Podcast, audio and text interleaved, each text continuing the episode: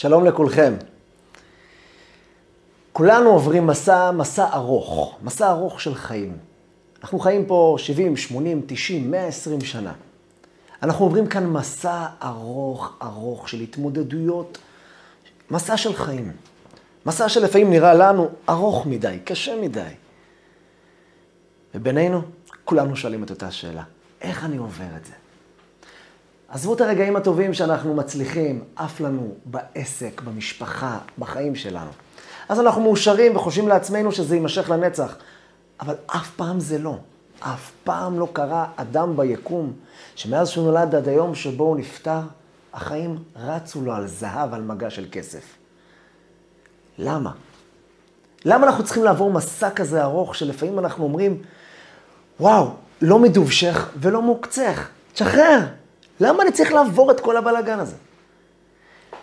זו החידה של החיים עצמם.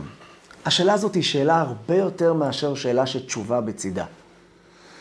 זו שאלה שאולי אנחנו נצטרך להתמודד איתה גם אחרי השיעור הזה. אבל אף על פי כן, היום אנחנו נמצא דרך מהפכנית לעבור את הקשיים האלה, לא שהקשיים לא יהיו קשיים, אלא איך להסתכל עליהם נכון. אין קוסמות לקשיים האלה, ואין מישהו שיכול להגיד לך, מהיום אין לך קשיים, אלא הסתכלות אחרת על הדברים. הדרך שהיום נלמד היא דרך קצת מהפכנית. היא משנה תפיסות, ולפעמים גם דברים שמושרשים אצלנו עמוק, בתודעה או בתת מודע. ואנחנו נלמד להפוך אותם היום ולהסתכל על כל התמונה של החיים שלנו במבט וזווית שונה לחלוטין. היא דרך קצת מהפכנית, אבל היא אמיתית כל כך. אנחנו נקשר את זה לפרשת השבוע בעזרת השם גם כן, וננסה לצלול לתוך העומק של החיים של עצמנו, ניגע ברבדים הכי הכי, בוא נגיד, פצעים כאלו. קצת נחטט, לא נעים, אבל נעבור את זה ביחד. יאללה, יצאנו למסע, נתחיל. הפרשה שלנו, פרשת השבוע, פרשת מסעי. המסעות שעברו עם ישראל במדבר מאז שיצאו ממצרים עד שנכנסו לארץ ישראל. לקח להם 40 שנה, בתוכם 42 מסעות. התורה מפרטת לנו את כל המסעות שהם עברו, מאז שהם יצאו ממצרים עד שהם הגיעו לארץ ישראל. השאלה היא מאוד מאוד פשוטה, קצרה, אבל פשוטה. זו שאלה ששואל הבעל שם טוב הקדוש, רבי ישראל בעל שם טוב, חי לפני כ-300 שנה בערך.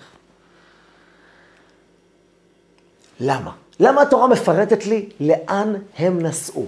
זה לא שיש שם איזה סיפור דרמטי בתוכו, הוא נסע לפה ותדע מה קרה שם.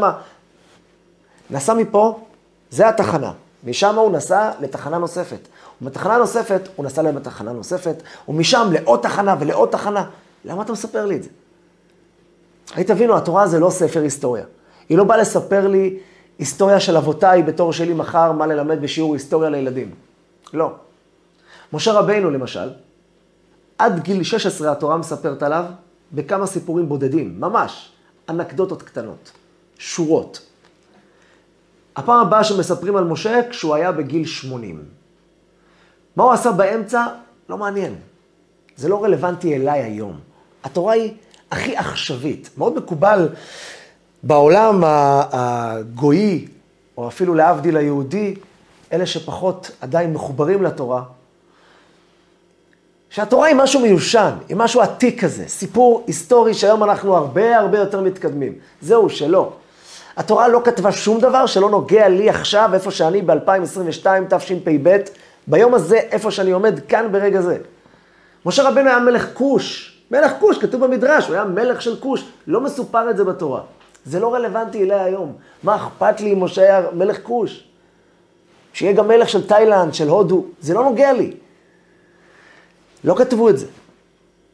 היה רבבות של נביאים שהתנבאו בעם ישראל.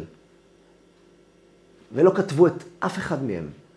למעט בודדים, מה שיש לנו בספר התנ"ך. למה?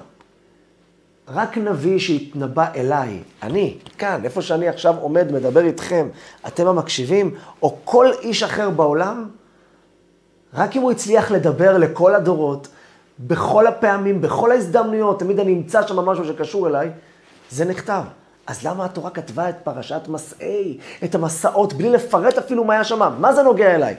אומר הבעל שם טוב הקדוש, תשחררו, זה לא המסע שלהם, זה המסע שלנו. כולנו עוברים את המסע הזה. כולנו יוצאים ממצרים, מהמיצרים שלנו, מהבלגנים שלנו, לפחות אנחנו רוצים לצאת. ובדרך לארץ ישראל, לארץ הטובה הזאת, למקום היפה שבו כולנו מדמיינים איזשהו אי בודד יפה עם חוף ים, לא משנה מה אנחנו מדמיינים, יש איזשהו רצון להגיע לאיזה מקום מסוים. אנחנו צריכים לעבור מסע. ואת המסע הזה, אנחנו חייבים לעבור אותו. אי אפשר להתפטר ממנו. אנחנו צריכים לעבור 42 מסעות בחיים שלנו. לא ניכנס כרגע למה דווקא 42, מה זה 42. בואו נעזוב את הסכום. אנחנו צריכים לעבור מסע. והמסע הזה הוא הדרך היחידה והבודדת להגיע לנחלה, לסוף שמה, ששם מחכה לנו המקום היפה והחיים עצמם הכי מתוקים. אבל למה? עם ישראל עבר במסעות מאוד מאוד קשים, ב-42 מסעות האלה. הם היו למשל במקום שנקרא חרדה, מקום שנקרא קברות התאווה, רפידים. גם אנחנו עוברים את אותו דבר בדיוק. גם אנחנו לפעמים עוברים את המסע שנקרא חרדה.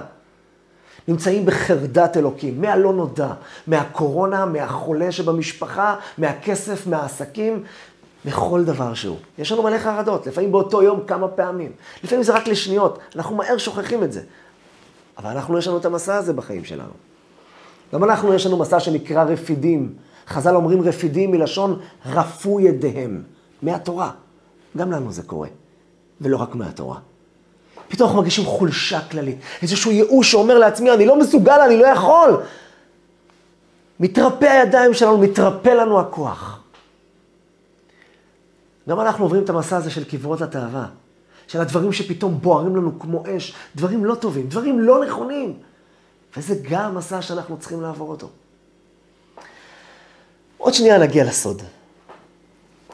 אבל הכלל הראשון, את המסע הזה אתה חייב לעבור. אין דבר כזה לא לעבור את המסע הזה. אנחנו חייבים לעבור כדי להגיע למקום ההוא. ואם אנחנו לא נרצה לעבור אותו, ואם נתחמק ונתחבא מתחת לפוך, ונגיד, אני פה לא מתמודד, אז המסע הזה פשוט יישאר כל החיים שלנו. אתה צודק, לא נגיע למסע הבא. אנחנו ניתקע באותו מסע 80 שנה, באותה נקודה. כמה פעמים אנחנו רואים אנשים, אולי זה גם אנחנו לפעמים, שתקועים באותו דבר 20 ו-30 שנה, עם אותה בעיה, עם אותה צורת חשיבה. כמו שאיינשטיין אמר פעם, אם אתה רואה שאתה עושה פעולה והיא נתקעת לך, ואתה חוזר עליה והיא נתקעת לך, ואתה חוזר עליה והיא נתקעת לך, אם תעשה את זה גם עוד מיליון פעם, זה ייתקע לך. כי עם אותה צורת חשיבה שנתקעת איתה, היא לא יכולה להוציא אותך משם. כדי להגיע למסע הבא אתה צריך לשנות פאזה. אתה צריך לדעת להתמודד, להגיע, לעמוד ראש בראש, לעבור את המסע הזה ולהגיע למסע הבא. מחכה לך מסע נוסף. עברת את המסע הזה, לא הגעת עדיין לנחלה, אבל הגעת לשלב הבא. כמו בכל משחק שילדים משחקים. אתה משחק, אתה גומר שלב, מגיע שלב יותר קשה. וכולם מבסוטים. טוב, כי זה רק במשחק. אבל זה גם החיים עצמם. אנחנו עוברים שלבים שאנחנו חייבים לעבור אותם, יהי מה. אין לאן לברוח. זה המסע, ועוד שנייה נבין למה אנחנו צריכים לעבור את המסע הזה. אבל זה מסע. אנחנו לא יכולים באמת לברוח ממנו. אנחנו יכולים להתמודד איתו. הבריחה לעולם לא תפתור את הבעיה. אנחנו עדיין נישאר באותה נקודה, והיא תתפרוץ לנו, אם לא עכשיו, עוד שנה. לא עוד שנה, עוד שנתיים. אבל באמת השאלה היא, למה? למה אני צריך לעבור כזה מסע ארוך וקשה? למה אני צריך לעבור את כל המסע הזה כדי להגיע? למה שבורא עולם לא ייתן לי את זה ישר? תן לי את האי הבודד הזה, את החלום שאני חולם עליו, תן לי להיות שם. תן לי להיות במקום הכי כיף, הכי נעים, אתה הרי אוהב אותי. ואני אוהב אותך, אני רוצה לאהוב אותך. אז בוא נעשה עסק. תביא לי את התכלית, תביא לי את הדבר הכי מתוק, הכי יפה. אני אחיה ככה בגן עדן שלי. ואני לא אעבור את כל המסע הארוך הזה. עם ישראל במדבר עבר את כל המסע הזה, ולמה? בואו ניכנס ישר לארץ ישראל, נגמור את הסיפור. זה הסוד של החיים. המסע האינסופי של עם ישראל. יש כזה משפט שכולם אוהבים לומר אותו ולא מתחייבים למה שאומרים, כי כשעוברים את זה, פתאום, אופס, הרבה נשברים. עם הנצח לא מפחד מדרך ארוכה. אמן. אבל זה אמת. אנחנו צריכים לעבור דרך ארוכה, ולכן אנחנו גם עם של נצח. את המסע הזה כל האנשים וכל הברואים כולם עוברים. אבל אנחנו כיהודים, יש לנו חלק מרכזי גדול מאוד במסע הזה, ואפילו חלק ייחודי. הנה הסוד. למה השם ברא את העולם? למה הוא ברא את העולם? בשביל מי? אומר הפסוק, כל פעל השם למענהו. בראתיו יצרתיו אף עשיתיו. למה השם ברא את העולם? בשבילו. כל פעל השם